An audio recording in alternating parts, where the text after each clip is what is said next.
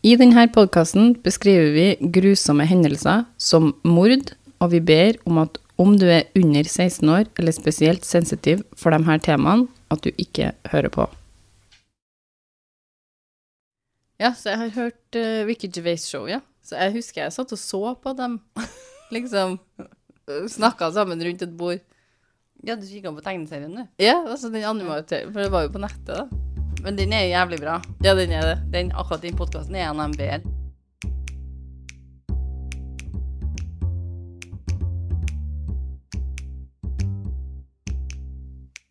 Hei, hei, alle sammen. Hei, hei. Hei. Så er vi klar for en uh, liten pause med, OK? Dere hører på meg, Maria og søstrene mine. Andrea. Martine. I dag er det 17 minus til oss. 19 står der. i sted. 19, ikke sant? Så hvis dere hører peislyder i bakgrunnen, så er det for at vi ikke skal fryse i hjel mens vi sitter her. For vi kan ikke ha på varmepumpa, for den durer sånn. Så vi har måttet fyre opp i peisen. Vi skulle nå virkelig starte å tikke den. Jo, ja. Lite kort. Det var ikke så veldig varmt til oss sist vi Nei. spilte inn. Da satt vi med ullpledd her. mm. Og nå går ikke det, for det er for kaldt ut. Men uh, vil dere høre hva dagens eh, episode handler om? Mm. Dagens episode uh, så skal jeg fortelle dere om drapet på ei ung dame. 18 år gamle Michelle Martinko i Iowa, USA i 1979. Michelle var født 6. oktober i 1961 i Cedar Rapids, Iowa. Ifølge Iowa Cold Cases i oppsummering av saken, så var pappaen til Michelle, Albert, en eh, veteran fra andre verdenskrig. Han hadde vært i The Air Force, og mammaen, Janet, var en US Army-veteran. Michelle hadde også ei søster, Janelle, som var ganske mange år eldre enn Michelle. Hun var 30 år når Michelle blir drept. Og Janelle hadde fått barn og bodd med mannen sin John på det tidspunktet. Men flere kilder sier at de hadde et godt forhold, og at Janelle forguda lillesøstera si. 48 Hours har en dokumentar om saken, og de nevner at mammaen til Michelle, Janet, var 44 år når hun fikk av Michelle. Godt voksen. Godt voksen. Og de hadde vært gjennom fem spontanaborter før de ble gravid med Michelle. Så det var stor lykke når Michelle var født. Michelle blir diagnosert med multipel skrelose når hun var tolv år. Og hun gikk med skinne, altså sånn ryggskinne, et par år. Janelle forklarer i dokumentaren at det var ei tøff tid for Michelle, men at hun blomstra i 14-årsalderen når skinna ble tatt av. Det kan jeg forstå at hun gjorde. I 1979 var Michelle en senior på Kennedy High School, og hun var en del av koret i kirka de var medlem av. Hun var også drillpike. Det blir sagt at hun var en veldig god student, fikk gode karakterer og jobba hardt. Hun hadde en plan om å studere interior design på universitetet når hun var ferdig på high school. Ifølge Gail Shortland sin artikkel om saken, så drar Michelle på en kormiddag på Sheraton Hotel i Cedar Rapids den 19. desember i foreldrene sin bil. Det er en 1972 Buick. Og etter middagen er ferdig, rundt klokka halv sju på kvelden, så drar Michelle videre til Westdale Mall. Et nyåpna kjøpesenter i Cedar Rapids, hvor Michelle også jobba. Michelle hadde pynta seg for middagen hun hadde vært på, så hun hadde på seg høye hæler, en svart kjole og en, ei brun pelsjakke. Ifølge artikkelen skrevet av Jen Moulton, så har Michelle med seg 180 dollar den kvelden, for hun hadde planer om å kjøpe seg en ny vinterjakke. Hun hadde spurt ene venninna si om hun ville være med på kjøpesenteret, ei som heter Jane Hansen, men, men Jane hadde takka nei, for hun hadde en del lekser hun skulle gjøre ferdig. Så Michelle drar på kjøpesenteret alene. Det er flere som ser Michelle på kjøpesenteret. En artikkel på The Gazette forklarer at tre venner av henne skulle se en film og møte på Michelle på kjøpesenteret. Hun forteller dem at hun skulle kjøpe seg ei jakke, og en av dem forklarer at det ikke virka som det var noe utenom det normale med Michelle på dette tidspunktet. Bortsett fra bunken med penger hun hadde med seg. De hadde ikke fått av mor si og far si? Jo, jeg tror hun fikk dem av mammaen sin for å kjøpe seg vinterjakke. Okay. Så det sier de. Det var jo litt uvanlig å gå rundt med så mye penger da, på seg. Og han forklarer jo da at hun viser fram pengene, men ellers så holdt hun dem i lomma. da. Det var ikke sånn at hun gikk med dem i handa, eller Men hun viser dem fram til henne. Hun møter på og snakker med noen andre venner, og hun er sist sett utafor en gullsmedbutikk. Ingen kan komme på å ha sett henne etter klokka åtte den kvelden, og at hun måtte ha forlatt kjøpesenteret før det stenger klokka ti på kvelden. Dette er da desember i Iowa, og derfor er det da både kaldt og mørkt ut på den tida her. Så hun trenger vinterjakke, er det du sier? Trenger å komme seg hjem. Uh, Videre i artikkelen til Jen Moulton så blir det forklart at når Michelle ikke hadde kommet hjem klokka to den natta, så begynte foreldrene hennes å bli ganske bekymra. De ringer til politiet, og her er det litt forskjellig som blir sagt. Noen sier at politiet drar ut med en gang for å se etter henne, mens andre sier uh, at de ikke var så stressa, fordi Michelle ikke hadde vært borte så veldig mange timer. Så jeg vet ikke helt hva som stemmer her. Men det er i hvert fall enighet om at en politimann James Kirkhead dro til kjøpesenteret for å se etter Buicken Michelle hadde kjørt. Han forklarer i en artikkel av Shannon Moldy at han fikk oppdraget med å kjøre til kjøpesenteret klokka fire den natta for å se etter biler. Så hvis de melder savna klokka to, så drar han ut klokka fire. Mm. Hva som blir gjort imellom der, det vet ikke jeg. Han finner biler parkert ganske langt fra inngangen til kjøpesenteret. Han forklarer at han sjekka biler for åpne dører og fant ut at én av bakdørene var ulåst. Han fikk ikke til å se så mye inni biler fordi vinduene var frosta over, for det var ganske kaldt. Men han syntes det så ut som det lå noen bevisstløst inni biler. Sa ikke en av dørene var åpen? Jo, men når han liksom kikker inn i biler først, Ja, okay, så skjer ser ikke han så mye for vinduene er frosta over. Han har ikke prøvd dørene ennå. Nei, og så liksom finner hun da ut at det er ei dør som er ja, åpen. det er ikke sånn at han går og rapporterer dere? Nei. Liksom. Nei. Han åpner jo da døra, Mm. og så finner han Michelle Martinko. Hun ligger delvis i frontpassasjersetet, og han ser ingen bevegelse på henne. Michelle var stabbed, og det oversettes jo til knivstukket i Norge, men det er ikke helt klart om det var en kniv som ble brukt. Derfor sier jeg stabbed. Mm. For hun er stukket, liksom, men de er ikke helt sikre på om det er en kniv hun er stukket med.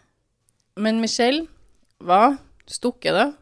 Elleve ganger i ansiktet og brystet. Hun hadde mange skader på hendene som viser at hun hadde prøvd å forsvare seg, og at hun hadde kjempa veldig hardt. To stikk punkterer lungene hennes. Ett stikk penetrerer hjertet hennes og gjør at hun blør ut på få minutter. Hun mister en tredjedel av blodet sitt. Så naturligvis er det veldig mye blod i denne bilen, og politiet tenker med en gang at det her er overkill. Det her må være personlig. I artikkelen til Gail Shortland blir det nevnt at det ikke blir funnet noe fingeravtrykk i biler. Det blir ikke funnet noe drapsvåpen, og i artikkelen til Shannon Moldy så forklares det at morderen hadde brukt hansker før han eller hun gikk inn i bilen.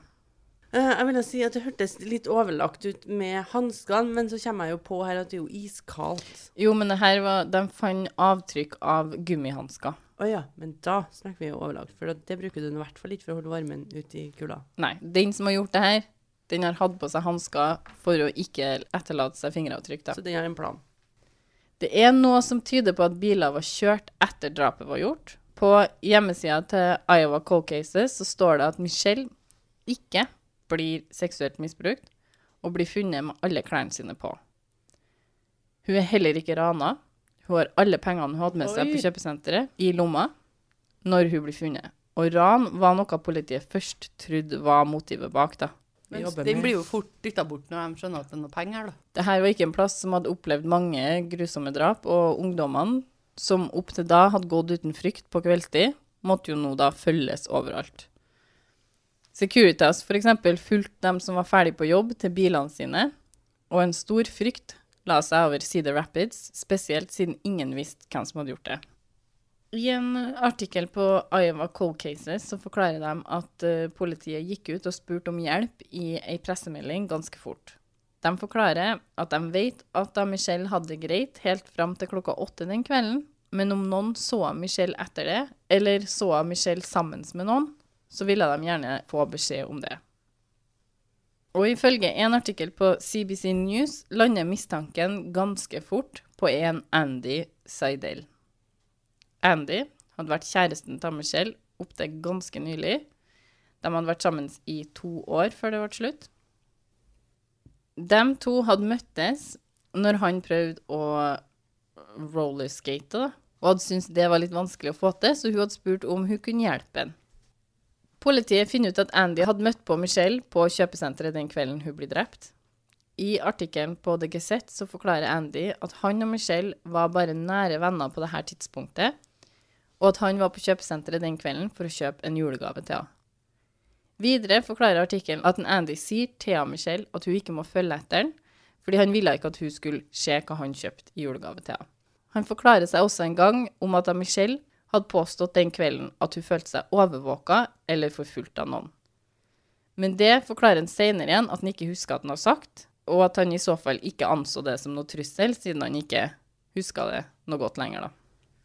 Jeg føler ikke, Hvis du hadde nevnt det en gang, og det har skjedd, så husker du jo på det senere. Ganske mange år etterpå, da, til hans forsvar, så husker han ikke at han har sagt det, og så får han visst noe sånn her eh, intervju Ok, Så det er en del år etterpå, ja? Det er Ja. ikke uka etterpå, liksom? Nei.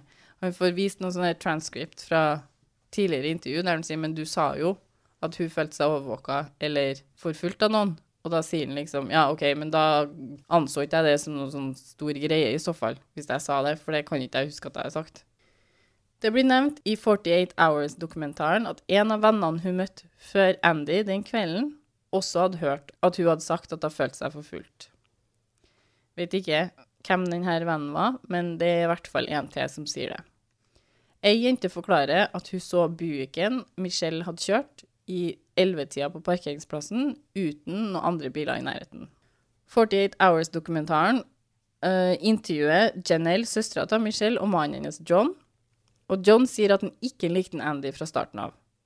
Han var veldig eiersjuk over av Michelle, og vennene av Michelle sier at de trodde også at Andy var skyldig. John og Janelle forklarer at Andy ble litt vel opptatt av Michelle og hvor hun var hen etter bruddet deres. Han ville vite hvem hun var sammen med, hvem hun data, hvorfor hun data dem, men det var ikke noe bevis som knytta Andy til det drapet her. Og mammaen hans sa at han kom hjem rett etter kjøpesenteret var stengt. Men han har vært på senteret, liksom. Ja, han har jo snakka med henne og møtt henne og alt. Videre i dokumentaren så blir det forklart at Andy hadde oppført seg meget emosjonell i begravelsen til Michelle. Han hadde omtrent vært oppi kista hennes, og han var liksom helt fra seg. Det må jo være lov. Ikke oppi, kanskje, men Han spurte også ei venninne av Michelle om hun visste hvem Michelle elska når hun døde.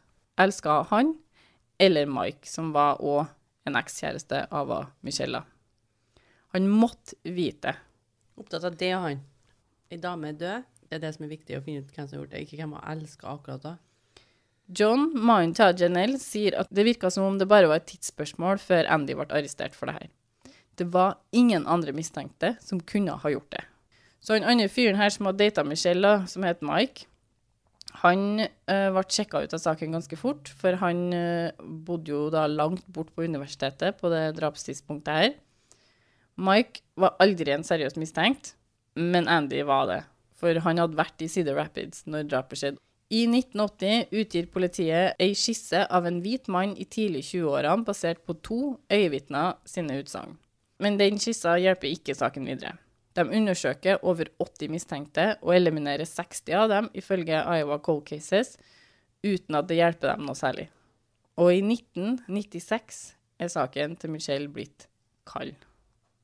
Ifølge 48 Hours-dokumentaren så slutter de aldri å etterforske saken, men det er ikke før i 2005 det skjer noe som hjelper saken framover. Og da er det DNA som hjelper dem. På det tidspunktet her er det en ny etterforsker i saken, Doug Larrison, som har gått på high school med Michelle, som blir satt på saken da, for å jobbe videre med cold-casen hennes. Doug finner ut at noen hadde sendt inn blod som var skrapa av girspaken til testing men at resultatene aldri hadde blitt fulgt opp. De finner ut at morderen etterlot seg blod på åstedet. De finner mannlig DNA på kjolen til Michelle og på girspaken i biler. Det her har ingen fulgt opp. Nei, de har sendt inn liksom til test. De har skrapa det der og testa det, og, og sendt inn og liksom sagt jeg vil ha det testa. Men så har liksom det bare drukna i papirene. Så ingen som på en måte har sjekka hva resultatene egentlig var. Men uh, på dette tidspunktet kan de finne ut hvem som eier det blodet, da? Ja, for han Doug her, han, når han blir satt på saken, så begynner jo han å gå gjennom alle dokumentene til Michelle sin sak. Så han, han er helt ny, så han begynner fra toppen og jobber seg utover. Og det er da han finner de her resultatene fra denne testinga som var gjort. Men de kan bare finne ut på blodtypen. Nei da, det er DNA vi snakker om her. Er vi så langt fram i tid, da, eller? 2005. Politiet går ut og bekrefter at det er nytt bevismateriale i saken, og ber folk om å melde seg om de vet noe om identiteten til en mann med et kutt på handa si rundt den tida drapet skjedde. 10 000 dollar blir lova ut som dusser til den som kunne bidra med informasjon som leda til arrestasjon. I de neste to årene så får politiet inn mange telefoner. Noen som faktisk hjelper å eliminere noen mistenkte, men ingenting som får dem nærmere å finne ut hvem sitt DNA som var funnet på stedet. De sender DNA-et de finner til CODIS, Combined DNA Index System. Det er den der samla DNA-databasen til USA, da. Men de får ikke noe treff. Så den sitter inne eller under? De får faktisk over 100 stykker til å levere DNA-prøver, så de kan sjekke dem ut av saken, altså frivillig. Mm. Mike blir sjekka ut, Den blir sjekka ut, den. og de vennene som Michelle hadde møtt på kjøpesenteret, blir også sjekka ut. Og til slutt så får de DNA fra Andy også. Og han er ikke en match. Oi, ikke. Stakkars han Andy her, da. Han har levd i mange, mange år Mm. som hovedmistenkt i den saken her. Det er, vi snakker vi er i 2006 nå. Mm. 25 år har han i hvert fall levd som hovedmistenkt da, i den saken her. Og det er jo godt til nå endelig får bevise at det er ikke meg. Eh, de blir også tipsa om at John, mannen til Janelle, uh, kunne kanskje ha vært morderen, men han blir også utelukka ved hjelp av DNA. Det er svogeren hennes. Ja. Pappaen til Michelle han dør i 1995, uh, og mammaen hennes dør i 1998. Så før Andy blir reinvaska, så dør de. Ja. Og Janelle sier i dokumentaren til 48 Hours at de mest sannsynlig var overbevist om at Nandy var Michelle sin drapsmann når de går bort, da. Det er søstera som sier. Ja. Så trist at de ikke fikk renvaska det før de døde. De kunne få vite at det i hvert fall ikke er han. Stakkars Ja. inne. Mm. Og ikke ha noen mulighet for å engang liksom overbevise noen om at jeg har faktisk ikke gjort Nei, men de det. har, ikke fått, de, har jo ikke nok bevis mot den, hadde de heller, heller ikke. For de har jo ikke fått uh, Nei, de hadde jo ikke noe bevis. Nei. Men Så det han jo kunne ikke jo heller ikke bevise at han ikke har gjort det. Så fra Doug får denne cold casen og begynner å han finner ut det her med DNA og sånn, så tar det nye ti år før Oi, de kommer noen skritt nærmere å løse saken. Så det er bare noen år siden. I artikkelen til Trish med Haffy så forklarer hun at politiet tar kontakt med et firma som gjør DNA-genotyping. Ganske ny teknologi enda i 2016 òg. De leverer sånne bilder av hvordan denne mannen ser ut da, i forhold til hva DNA sier. Og politiet går ut med de her bildene i forskjellige varianter, med briller, uten briller, langt hår, kort hår, litt eldre, litt yngre. Og det er en hvit mann med blondt hår og blå øyne. Det kommer inn mange tips, men ingen leder til noe mistenkt. Men ja, en hvit mann med blå øyne og lyst hår, det er sikkert mange av han. Men her begynner de jo å bli ganske mye eldre, de menneskene her, da. Mhm. Sjansen for at den er død, begynner jo å være stor stor ja. Så i 2018, når The Golden State Killer blir arrestert ved bruk av DNA-genologi, eller genealogy, så får etterforskerne ideen om å prøve det her i denne saken òg. Nå trodde jeg du skulle si at det var han, han. Ja, Nei. det. Det var ikke han. Helt, helt uh, annen sak, altså. Ja. Det er bare at han uh, Doug uh, han leser For dette var jo big news når Golden State Killer ble mm. arrestert. Så han leste det og fikk ideen om at OK, skal vi prøve det her i denne saken òg? De får Parabon Nanolabs til å kjøre en DNA genealogical research på DNA-et de hadde gitt til de snapshot-bildene som de har fått tidligere. Det heter snapshot dere, når de tar genene og lager et sånt bilde av dem. Da. Så det innebærer da at eh, Parabon kjører DNA-et opp imot Jedmatch sine hjemmesider, som egentlig var laga for å researche familiehistorien eller familietrærne til folk. Så de tar de her eh, DNA-et de har, og så kjører de opp imot alle dem som her frivillig har lagt inn DNA-et sitt for å liksom Jeg har lyst til å lære mer om min historie og familien, hvem jeg er i slekt med og sånn. Jeg laster opp mitt DNA, og så finner de jo slektninger og sånn. Ja. sant? Videre forklarer artikkelen til Trish hvordan politiet ved hjelp av en tremenning av morderen, som hadde ønska å utforske mer av farens side, finner tre mulige mistenkte i saken. Tremenningen var ifølge 48 Hours-dokumentaren ei dame som het Brady Jennings. Så etterforskerne jobber med hun her og bygger familietreet hennes helt tilbake til tipp-tippoldefaren hennes. For når de Etterforskerne er med og hjelper til her nå. Ja, fordi at Ja. eh, tippoldeforeldrene, så kommer det fire greiner nedover, sant? Mm. Så de er sånn Vi vet ikke om han er tremenningen på den sida eller tremenningen på den sida eller den sida. Så når de jobber med det, så tar de kontakt med flere og flere slektninger som de finner ut av, og så får de DNA-et deres, og så tester de det mot DNA-et de har, og så vil de da til slutt finne ut hvilken grein han, han er mistenkten kommer fra. Da. Så de jobber med hun og bygger familietreet hennes. da. Så jo flere av hennes slekt som gir DNA-et sitt til etterforskerne, jo større bilde har de av hele greia. Og så tar Parabon en runde til med alt det her og kalkulerer det på nytt. De får jo da litt pass, for det er jo en liten sånn her etisk eh, diskusjon i forhold til om dette er riktig å gjøre, i forhold til å ta Men så lenge de er med frivillig på det. Nå må de jo da kjøre det her DNA opp imot uh, JedMatch sine sider for å finne tremenningen i første omgang. Og det er jo der den etiske diskusjonen kommer inn, om det er greit å bruke sånt DNA til etterforskning av kriminalsaker. da. Så Parabon de går en runde til med alt det her, og så kalkulerer de jo det på nytt. Etterforskerne får da beskjed fra dem om at det er tre stykker som kan være drapsmannen deres. Tre brødre som bodde i Iowa, og alle lever. Alle tre. OK. Så etterforskerne går i gang med å prøve å få DNA-et til de her samla. Men de vil jo helst ikke gå ut med dem, De er veldig sånn forsiktige med hvem som får vite at de eh, har noe mistenkt i denne saken her overhodet. Så enen plukker de opp et brukt sugerør fra. Den andre finner de en brukt tannbørste i søpla hans og tar med seg. Og så den siste følger dem til en restaurant, og så venter de til han uh, drar, da, og så henter de et sugerør han brukte. Hørtes veldig sånn True Detective ut. De to første er ikke en match til DNA. Men den siste broren, Jerry Burns, han er en nøyaktig match til DNA-et som blir funnet i biler med Michelle. Hvem er det her? Jerry, han bodde 45 minutter unna Cedar Rapids. Ifølge Anna Spore sin artikkel så var han en businessmann med eget selskap og familie, kone og barn. Nå?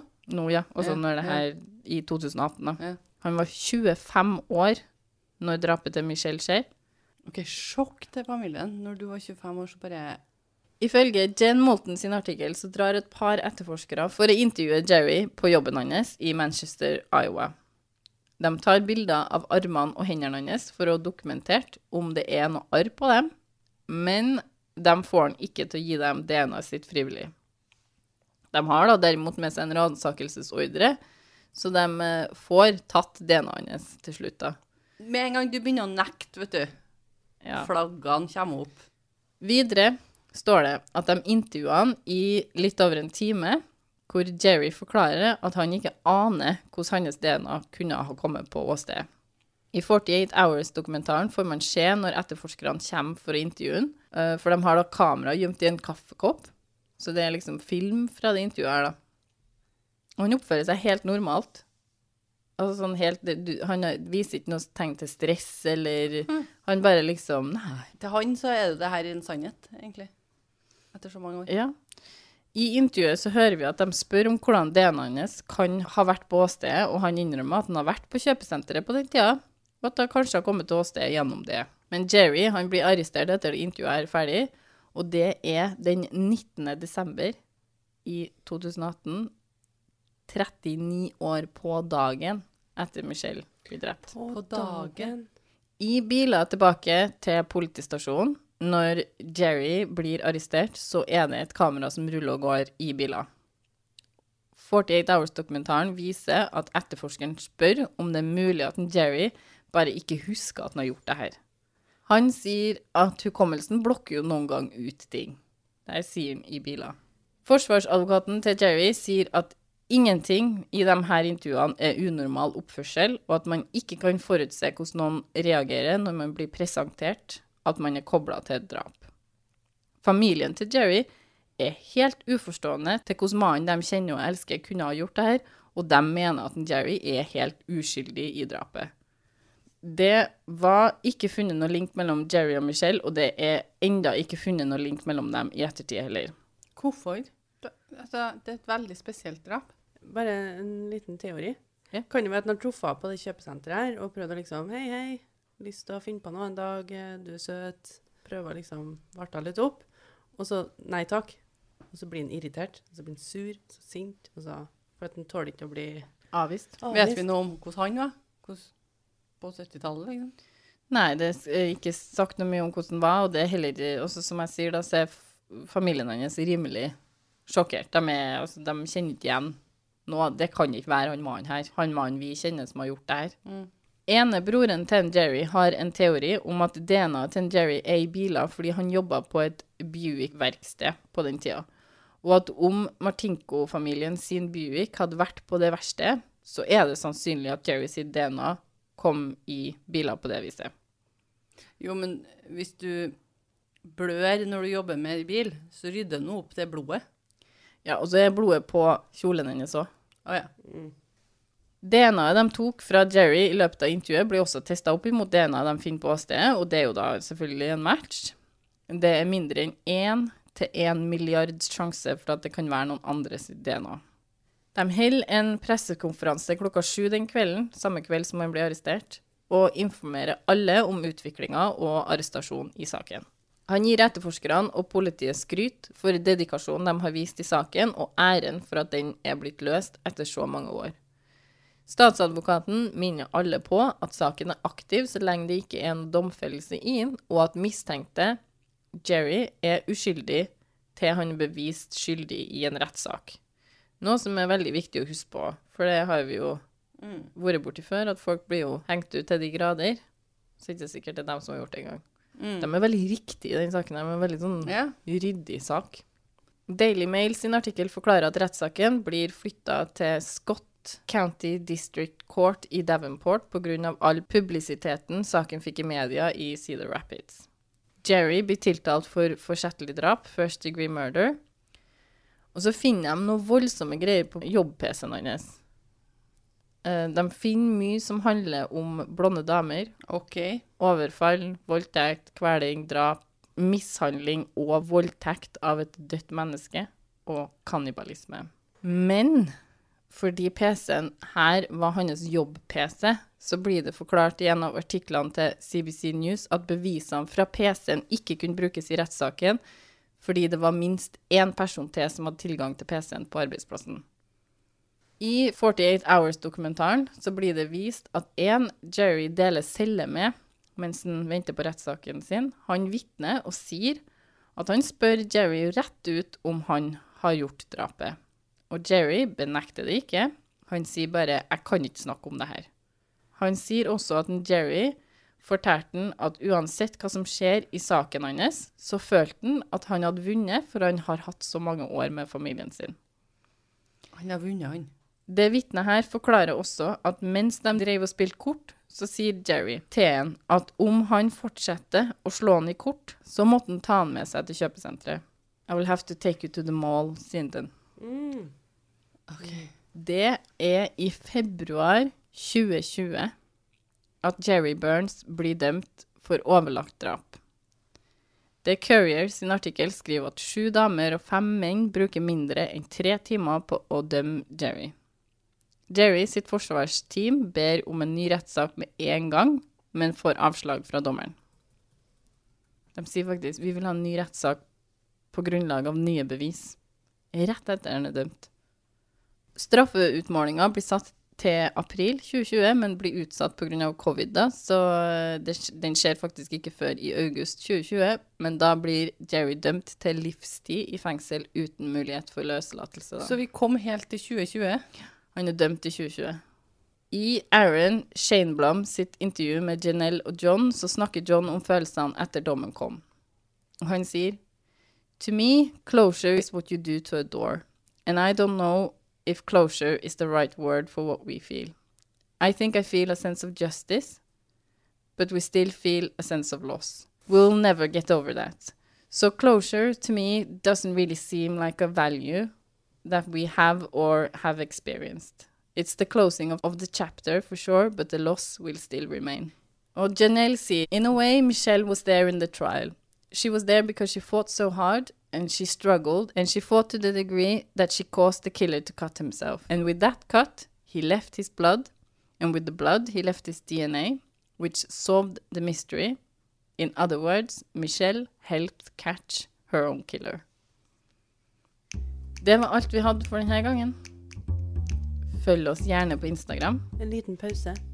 Om du har en historie, sann eller spøkelseshistorie, eller en historie du tror eller vet er en vandrehistorie, om den er glad, skummel, sær, rar, merkelig, egenopplevd eller hørt av andre type historie, send den inn til oss om du vil vi skal ha den med i en bitte liten pause. Og mailen vår er En liten pausepodkast, krøllalfa, gmail.com. Å, den naila du, Andrea. Subscribe, rate og review oss der du kan, så podkasten når ut til flere som kanskje setter pris på den. Takk for at du lytta på. Vi høres neste gang. Ha det. Ha det! Ha det!